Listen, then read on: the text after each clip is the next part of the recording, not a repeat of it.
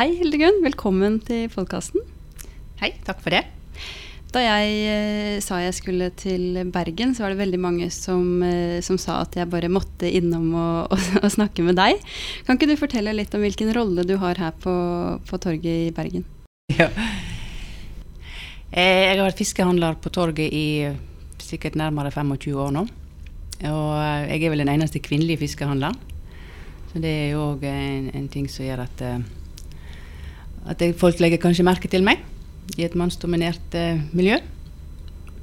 Eh, så brenner jeg for eh, kvalitet og for å ta vare på tradisjonene våre når det gjelder fisk og fiskeri og sånn. Lokalfiske. Mm. Mm. Hvordan, hvordan, har det å stå på torget for deg forandra seg gjennom de åra du har uh, stått der? Fortell litt, uh, eller Del historien din med, med, oss. Når jeg begynte på torget, så, så var jo det at da solgte du til lokalbefolkningen. og Vi hadde en liten bod der jeg hadde fire, tror jeg var fire vogner som vi pakka sammen hver dag og hekta bak på bilen og kjørte inn på torget. Rulla opp tak og knytte fast med tau. og Hadde litt is på disken og la fisken på. Så hadde du dine faste kunder som kom og kjøpte sine varer.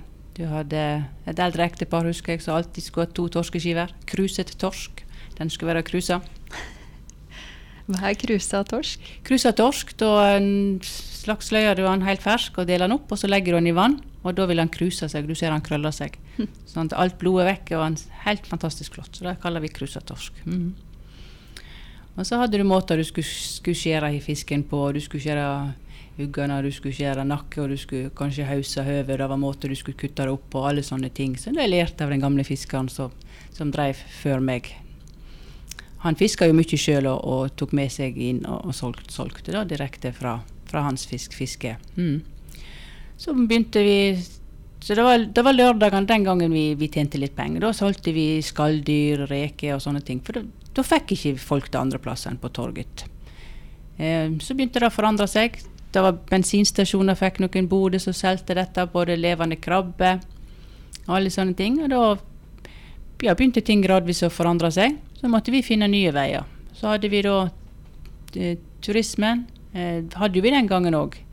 Eh, da solgte vi ganske mye røykelaks til de. Det var vel det som var hovedsalget til dem, så de tok med seg hjem den gangen. Ja, For det er jo egentlig det eneste produktet man kan ta med ja, seg hjem fra, ja, fra boden din? Ja, da litt uh, tørrfisk eller salta, ja, noe sånt. Ja.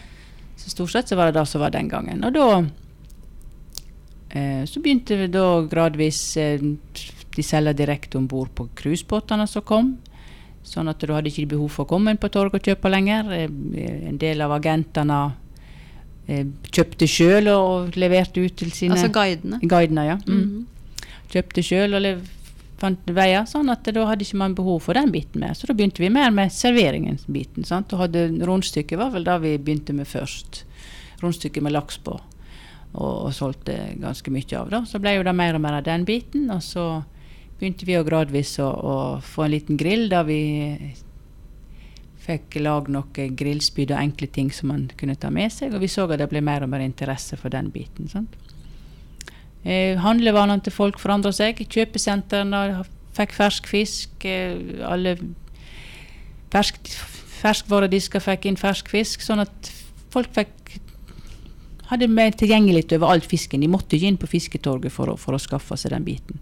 Så var det parkeringsplasser som gjorde at det var ikke så lett for folk å sant? Skulle de ned og handle på fisketorget, så måtte de parkere, så måtte de gå ned. Og det var jo Tilgjengelighet hadde òg noe å si. Så gjorde at det, så stengte vi den gangen stengte vi klokka fem. Vi måtte være vekke. Var ikke vi vekke til fem, så fikk vi straffebøter eller noe sånt. Vi husker vi sto og hadde åpent lengst mulig, og vi pakka ned. Jeg vet ikke hvor rekorden vår var jeg på å pakke ned før vi skulle kjøre ut. Sånn at vi var vekke før, før signalet gikk. Mm. Vi var gjennomvåte og svette hver dag vi var ferdig på jobb. For vi ville jo selge lengst mulig ja, ja, ja. før vi skulle ut. Så, så, jeg har hatt noen år på torget, så det, når jeg tenker tilbake igjen, så er det, det er litt eh, nostalgisk òg ja, å se hva utviklingen har gått. ja. Så det har egentlig gått fra å, å være bare salg av fersk fisk til å, til å bli mer en, en servering og, og mye uh, Altså du er avhengig av turister, da? Ja, det er, det er kommet dit enn i dag, ja. Mm. Så eh, når det nye fisketorget ble bygd, så eh, det første året etterpå var det vel, eller sånt, så hadde jeg en periode der jeg lurte på om jeg skulle gi meg. Så, så da måtte man tenke, ja, måtte man tenke nytt.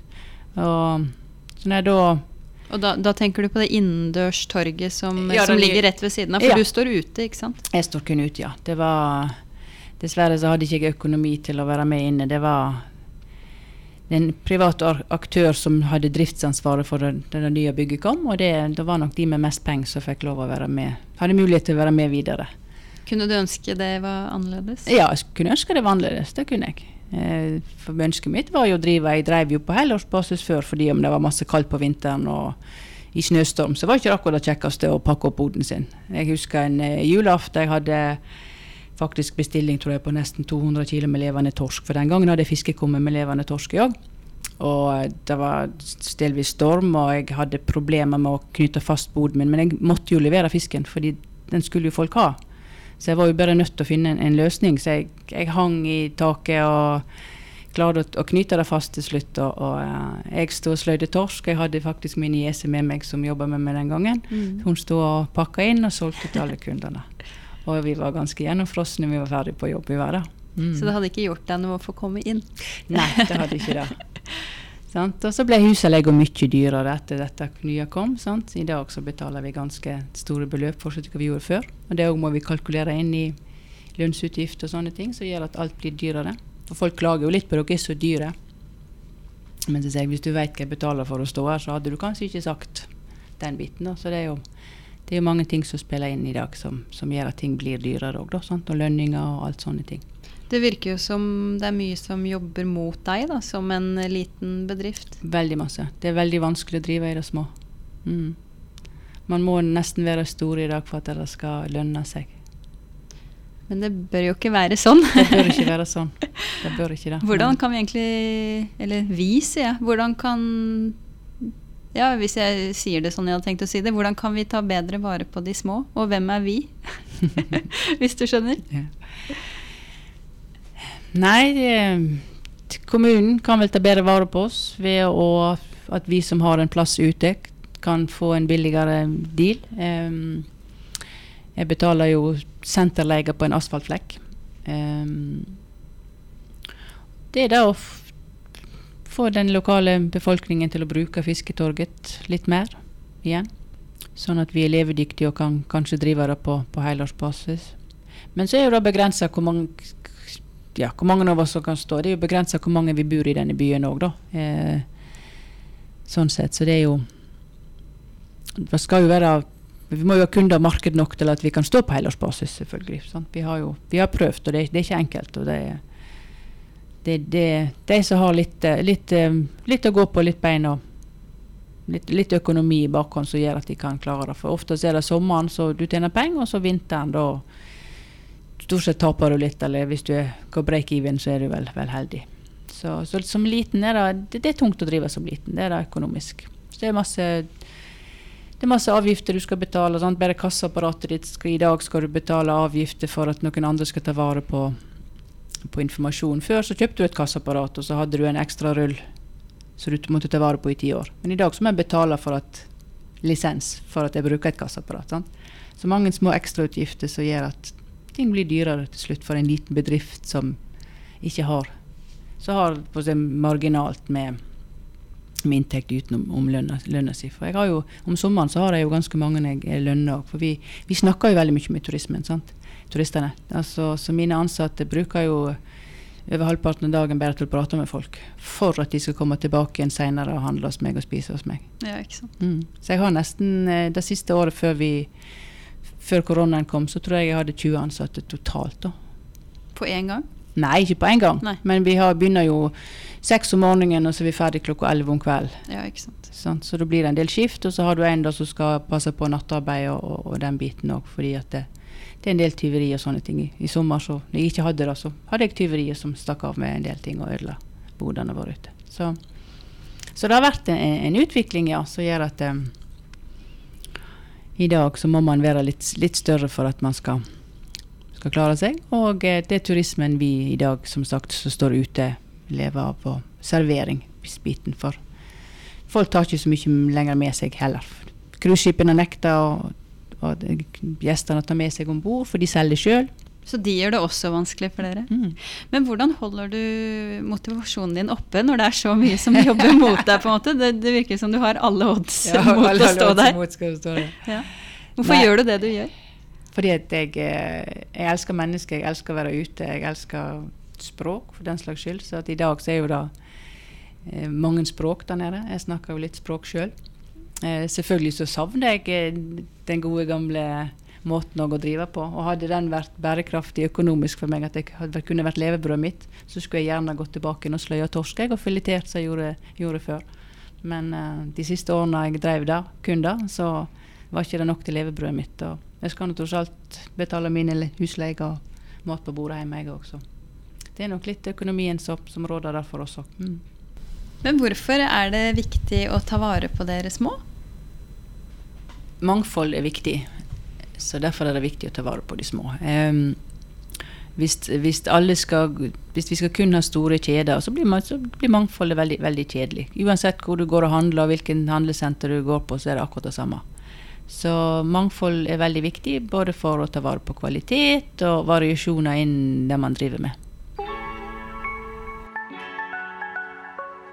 Hva, hvorfor er du så opptatt av det her med, med fisk? Altså, det var vel en tilfeldighet at jeg begynte i fiskebransjen da jeg var ganske ung, i fiskeindustrien. Og jeg har fulgt med den en del. Eh, så når jeg da begynte for meg sjøl å, skulle ha tak i fisk, og så utfordringene det var med da, det, det er ofte det er for mange ledd ofte før fisken kommer ut til oss, og det har vært en kamp hele veien for å få den beste kvaliteten. Eh, så derfor har jeg fått en ja, brenner jeg for den og jobber for den for å få, få fisken fortere ut til forbruker, kan du si, fra fisker til, eh, til forbruker. Mm.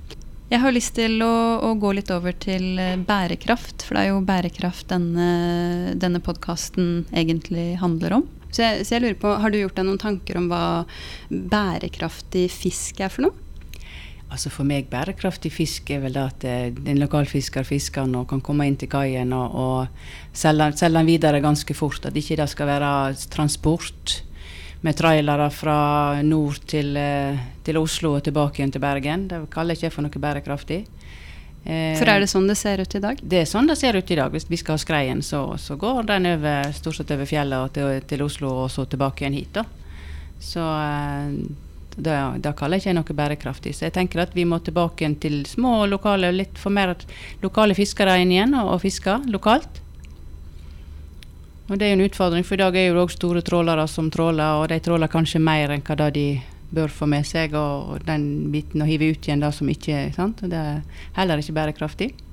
Men hvordan, hvordan kommer vi oss tilbake igjen dit? Eller kanskje før du svarer på det, kan du, kan du skissere enda litt mer for de som ikke er kjent med, med fiskerinæringa? Hvordan, hvordan, hvordan ser det typisk ut da, fra man tar opp fisken og til den havner på tallerken? Ja. Altså En fisker fisker han, eh, så leverer han det stort sett til et fiskemottak. Fiskemottaket leverer til en grossist. Eh, grossisten leverer til meg som er et utsalgssted, og jeg selger det til deg. Så det er jo ganske mange ledd. Mm.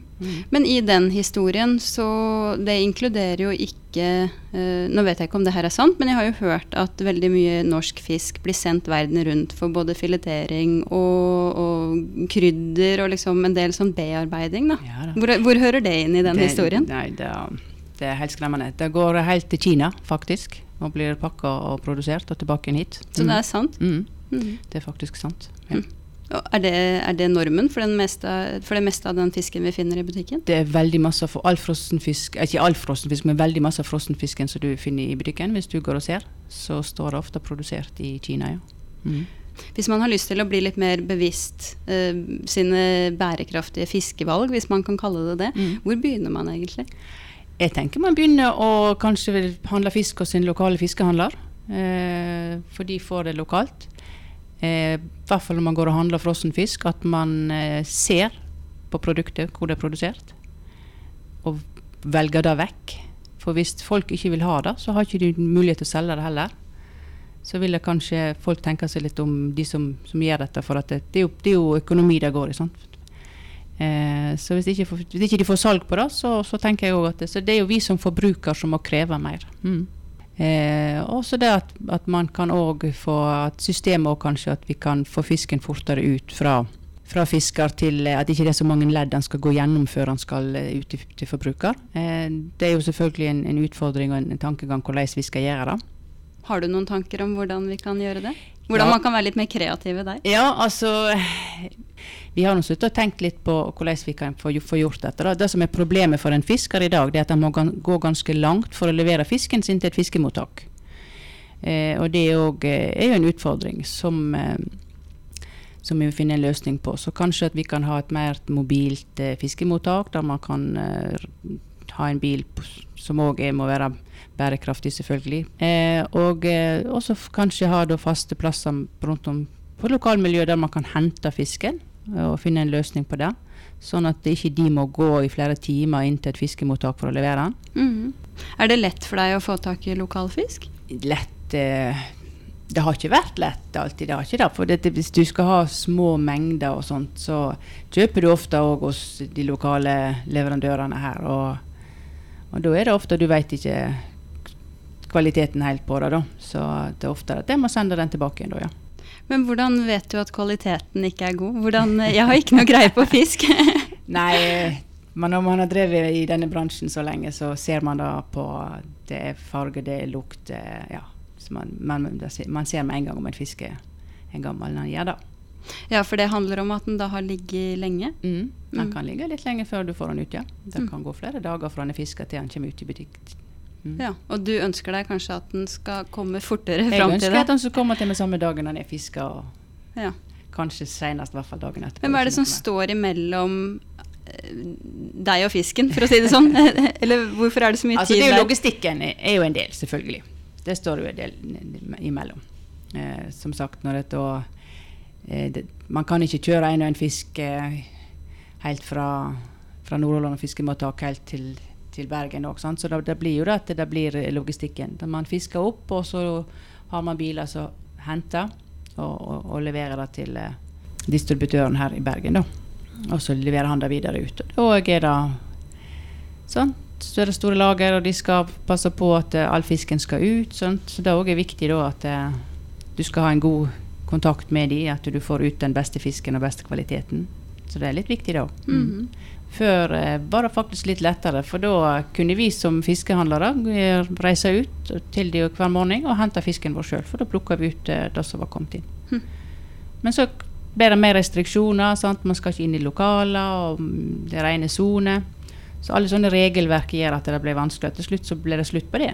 Så da plukka de fisken for deg og ikke minne leverer. Mens før så kunne vi gå og hente den sjøl, og da tok du selvfølgelig og plukka den beste kvaliteten. Og det tenker jeg at vi kanskje må kunne finne en løsning og gå tilbake på at det hadde vært en, en løsning å få ut mm. den beste fisken. Du har jo vært med i, eller jobba i fiskebransjen siden du var eh, egentlig ung jente. Kan du si noe om hvordan næringa har forandra seg, eller ja, hvordan, hvordan har ting forandra seg i den tiden du har vært med? Eh, mange ting har forandra seg med at det er blitt mye mer regelverk i dag. Eh, før var det vel eh, jeg tenker tilbake igjen, så var det vel kanskje lettere å ja, gjøre ting og, og komme videre i, i, med det man, man tenkte, og, og, produktutvikling og sånne ting. da. Mens det, selvfølgelig Mattilsynet er jo en viktig, viktig del, men, men, det er blitt mye mer kontrollering og mye mer ekstra papirarbeid i dag enn hva det var før. Eh, og praksis er ikke alltid like enkelt som det er å sette det på papiret. Eh, så det gjør ting mer vanskelig. Eh, det er én ting som har utvikla seg veldig mye på de årene. Eh, når vi sto på torget før, så hadde ikke vi kjøledisker. Vi hadde litt is på et bord, og så la vi fisken oppå. det er ikke lov lenger? Nei, det er ikke lov lenger. Så, så det er jo selvfølgelig en, en stor utvikling. Og, og, det er jo viktig med, med hygiene og den biten der. Og, så det er jo soleklart at det er. Men eh, man overlevde vel kanskje før òg uten at det var så, så ekstremt som i dag. Og for sånn som fiskeindustrien òg, så er det mye mer kjemikalier og mye mer renhold og sterilt enn hva det var før. Eh, sånne ting. sant? Og det, det er ikke bare positivt, det heller. Eh, Skjærefjøla var i tre, sant? så skulle vi gå over til plast, for det var så mye bedre. Men så var ikke det det likevel, for treen dreper jo bakterien i seg sjøl. Mm.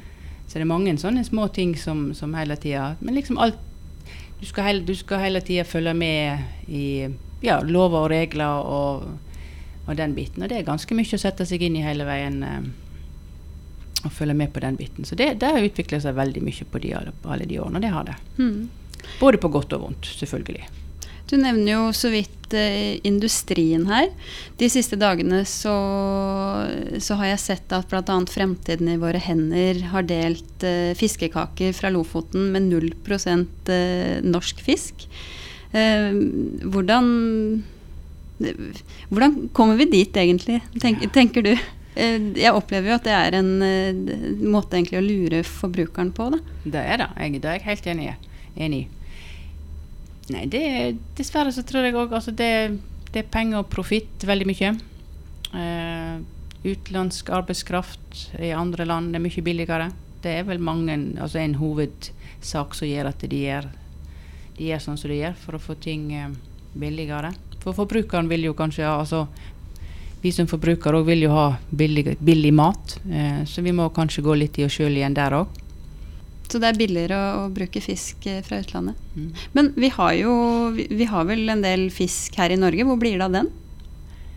Ja, vi har jo en god del fisk. Eh, vår fisk går jo selvfølgelig til utlandet òg. Det gjør den. Til de kvalitetsbevisste selvfølgelig òg. Hvis vi bare tenker på tørrfisk, så går den beste kvaliteten til utlandet. Og, så mm. ble, og sånn var det i gamle dager òg. Den beste kvaliteten gikk ut, og så satt vi igjen med det som var det dårlige. Det var sånn lutefisken ble laga. Men hvordan kan vi, kan vi, snu det der, eller er det, er det ikke noe marked for kvalitetsfisk i, i Norge? Jau da, det, det, det, er det. Jeg tror mange forbrukere, altså forbrukerne begynt, begynt å snu litt der igjen òg, da. Men det er at eh, fisk er dyrt. Um, før så gikk, var vel ofte man fiska sjøl, naboen fiska, og man fikk litt hos naboen. Eh, så jeg tror det har sittet veldig lenge igjen i folk at fisk skulle ikke koste så mye. Sant? Så når fisken da ble dyrere, så ble det da et valg man tok. At man kanskje hadde fisk som søndagsmiddag, og så hadde man kjøtt de andre dagene. Mens før så hadde man fisk nesten hver dag, og så var det kjøtt til søndag. Ja. Det var sånn jeg var, når jeg var liten. så var det, det var kjøttmiddag, da, det var søndagsmiddagen. Og så hadde vi masse forskjellig fisk i plukkfisk og fiskekaker. Og men vi gikk jo ut og fiska veldig mye av det sjøl òg, selvfølgelig. Vi gikk ikke på butikken og kjøpte det. Jeg opplever jo i dag at man, eh, man har liksom helt andre holdninger til, til fisk, og at fisk er en sånn ting som man må liksom passe på å få spist nok av, og, og, og, sier til barna at nei, det er ikke noe godt, men man må spise det opp, og foreldra liker ikke engang fisk. Og hvordan kan vi man må på en måte snu den, uh, den skuta der? Det, det, er faktisk veldig lett å få snu den skuta når det gjelder barn. Det er å få barn med på å lage maten, og få barn med ut og fiske være den biten. Sant? At de opplever å være med på det sjøl. For jeg skal love deg at for de være med og fiske og får tilberede den måltidet sitt sjøl, så vil de synes det er fantastisk godt. Og så ikke kalle det for fisk. Kalle det for laks, kalle det for torsk. Bruker det riktige navnet på fisken. Bli kjent med den, på en måte? Ja, bli kjent med den. Um, det har faktisk veldig mye å si. Så i stedet for å si i dag skal vi fisk til middag, så i dag skal vi lage laks til middag. Det er en veldig enkel løsning, men det er faktisk uh, tilfellet. Mm. Mm. Prinsessefisk uh, har jeg hørt noen kalle laksen for å få spesielt av jentene, da, til ja. å spise den. Ja. Så det, det, er faktisk ikke mer som skal til for at man barn kan synes det høres mer spennende ut mm. enn fiske. Mm. For fiske er en generelt folk som ikke liker sånt. Men, mm. men det er jo ikke alle kanskje som har anledning til å dra og fiske middagen sin selv. Og mange bor jo i byer og har ja, et hektisk liv. Så, så, hvis man på en måte er eh, forbruker, bor i by, har lyst til å, å, å spise bra fisk, hva og det er jo ikke alle steder det egentlig er fiskehandlere heller. Jeg, Neida, det, er ikke sånn som i, i Oslo f.eks. Jeg vet jo det er mm. noen steder. Men mm. hvis man på en måte må eh, handle på butikken, da. Helt mm. vanlige butikker, mm. liksom. Hva, har du noen tips til hva man bør ja, se altså, etter? Eh, frossenfisk er, er, veldig god fisk hvis man får en god kvalitet der, der fisken er fiska og frosset inn med en gang. Så er, er frossenfisk veldig godt alternativ. Eh, til det. Men da må man òg bruke den bærekraftige, ikke at det er den som er produsert i, i, Kina og tilbake igjen. Sant? Men hvordan vet man det? For det står kanskje ikke på Det, pakka står, det, står, det skal stå Det skal det skal stå bakpå. Okay. Det står ofte kanskje med den minste skriften, da. Ja, ikke sant? Så da kan det stå at fisken er norsk med stor skrift, og Ja, ja. at den har blitt bearbeida i Kina med bitte liten skrift. Mm. Så, eh, så man kan få eh, god kvalitet på på frossenfisk. Det kan man. Mm. Mm. De, fleste, eh, altså de, de fleste kjedene har vel òg fisk i dag, og, og fiskedisker, sånn som Meny og har. Sant? Meny og en del andre. Så, så hvis man eh, får et, en god kvalitet der òg, så jo, eh, kan man jo bruke den, den veien òg for fisken. Men det, da er det viktig at den kommer at den er, kommer fra lokale produsenter der også, og får den fort ut. At ikke det blir eh, Ja, så at man da har flinke folk som vet hva de driver med når de står i en sånn butikk. For det kan dessverre ikke alle. Nei. Mm. Så det er kanskje noe, noe ja, Meny og disse større matbutikkene bør ta ansvar for, da. Ja og, da. ikke, og ikke forbrukeren. Meny er vel kanskje en, en flink, flink på den biten der, for de har jo en stor, fin, fin avdeling på ferskvare. Det har de. Mm. Har du noen tanker om hvordan vi kan få enda mer foredling av norsk fisk i Norge? Litt sånn tilbake til disse fiskekakene med Norske fiskekakene med 0 norsk fisk.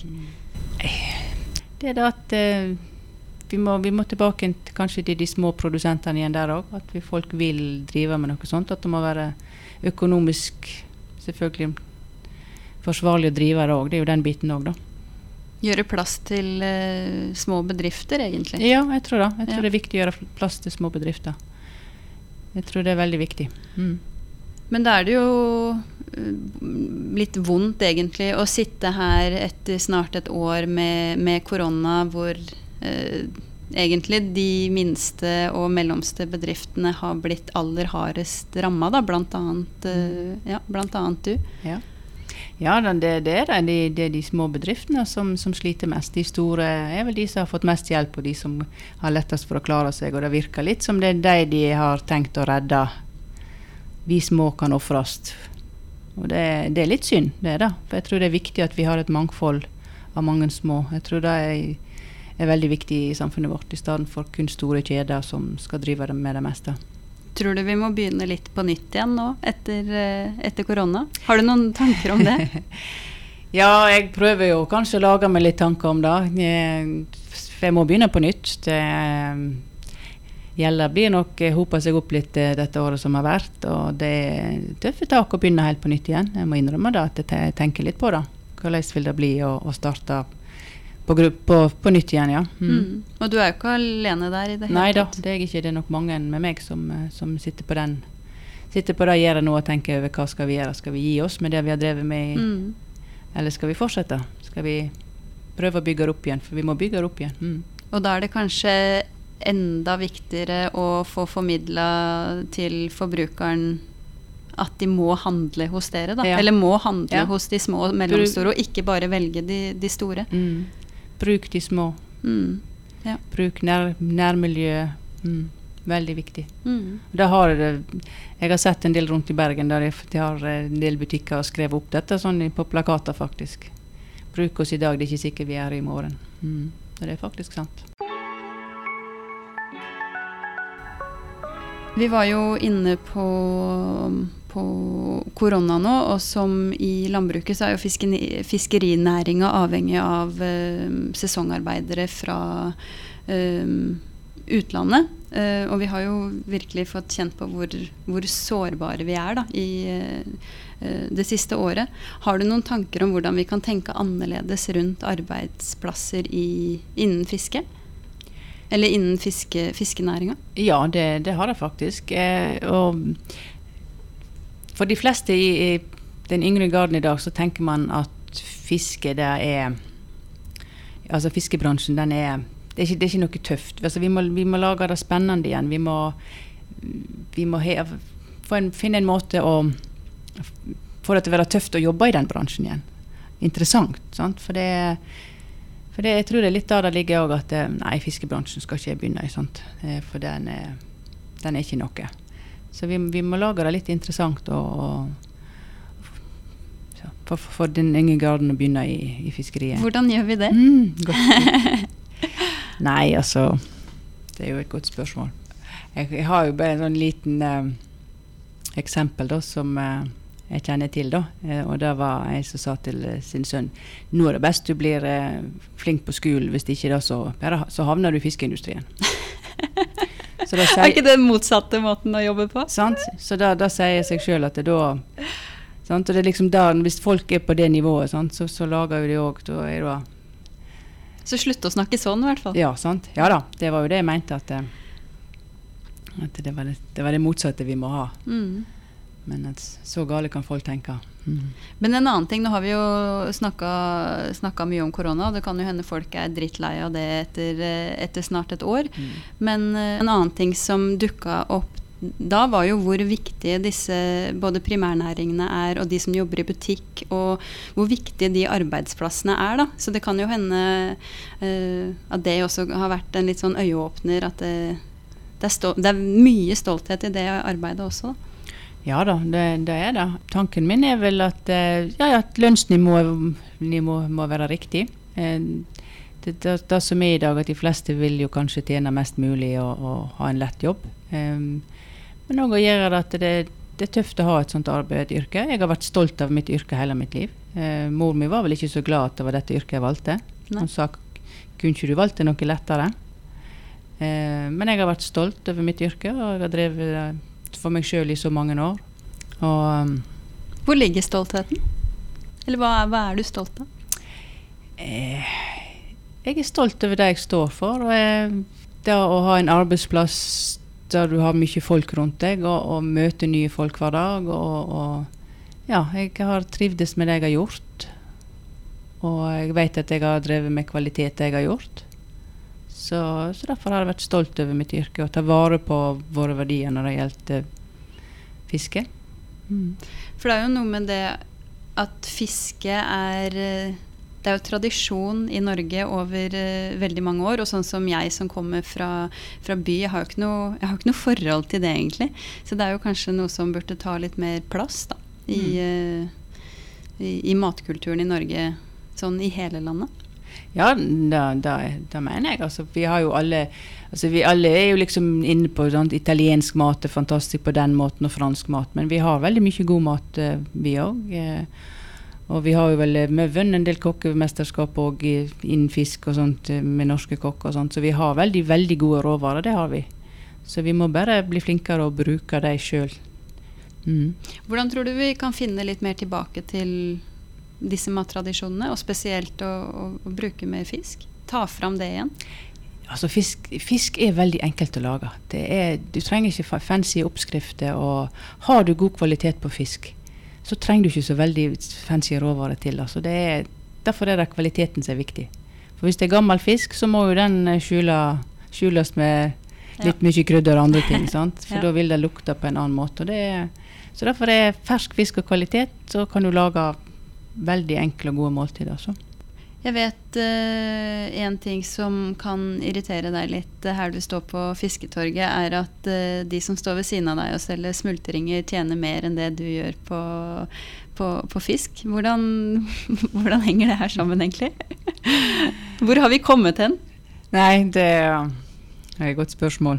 Uh, vi må innrømme at i den sesongen som var, så vi nok, har vi noen som står og selger belgiske vafler, da vel, og kaffe og is. Og de hadde kø hele dagen, mens vi to fiskehandlere som sto igjen ute, vi hadde nesten ikke folk. Mm.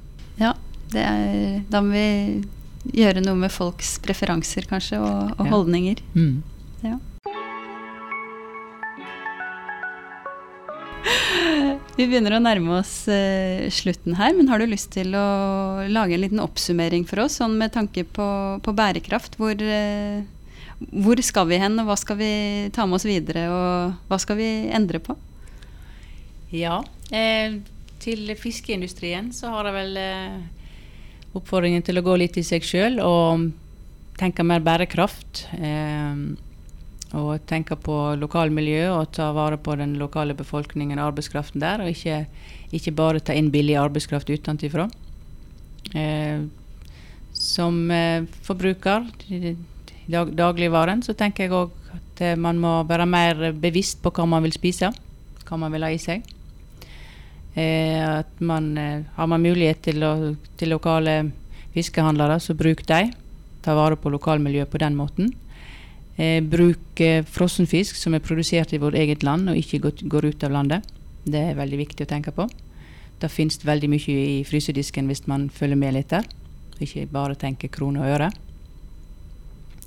Og så må vi få eh, fiskerinæringen generelt òg. Eh, sånn som for en som vil ut og begynne å fiske i dag, ungdommen, så finnes det kvote. Eh, det skulle funnes en kvotebank der den yngre generasjonen kunne fått muligheten til å begynne med fiske. I dag så vil det koste de så mye å begynne at de har ikke råd til å starte med fiske sjøl. Det er én ting. og sånn at vi kan få flere ja, lokale fiskere og den yngre generasjonen kan synes dette er et yrke som kan være interessant å drive videre. Jeg bruker å, avslutte med å, å spørre alle hva, hva, gjør deg sint? Ja, det skal vel litt til for å få meg sint sånn sett, da. Urettferdighet får meg sint. Urettferdighet, ja. Urettferdighet får meg sint, det gjør det. Så systemene må være lagt rettferdig for alle, og ikke den som eh, har største og skal komme seg alltid frem. Mm. Og hva, hva, gir deg håp? Det gir meg håp at det fremdeles finnes folk der ute som er, er ildsjeler og jobber for uh, å ta vare på våre verdier innen uh, fiskeri. Så finnes det en del uh, i dag som jobber med, med lokal mat igjen, og, og bygger opp den biten igjen. Så vi er, vi er på, på, vei og, tenker, tenker tilbake dit. Så det, det er håp for da. Det er håp for for den lokale fisker og eh, lokalmiljøet generelt innen fiskeri. Så det er, alt, det, det er håp, det er det. Tusen, tusen takk for at du var med, Hildegunn. Jo, vær så god. Bare hyggelig.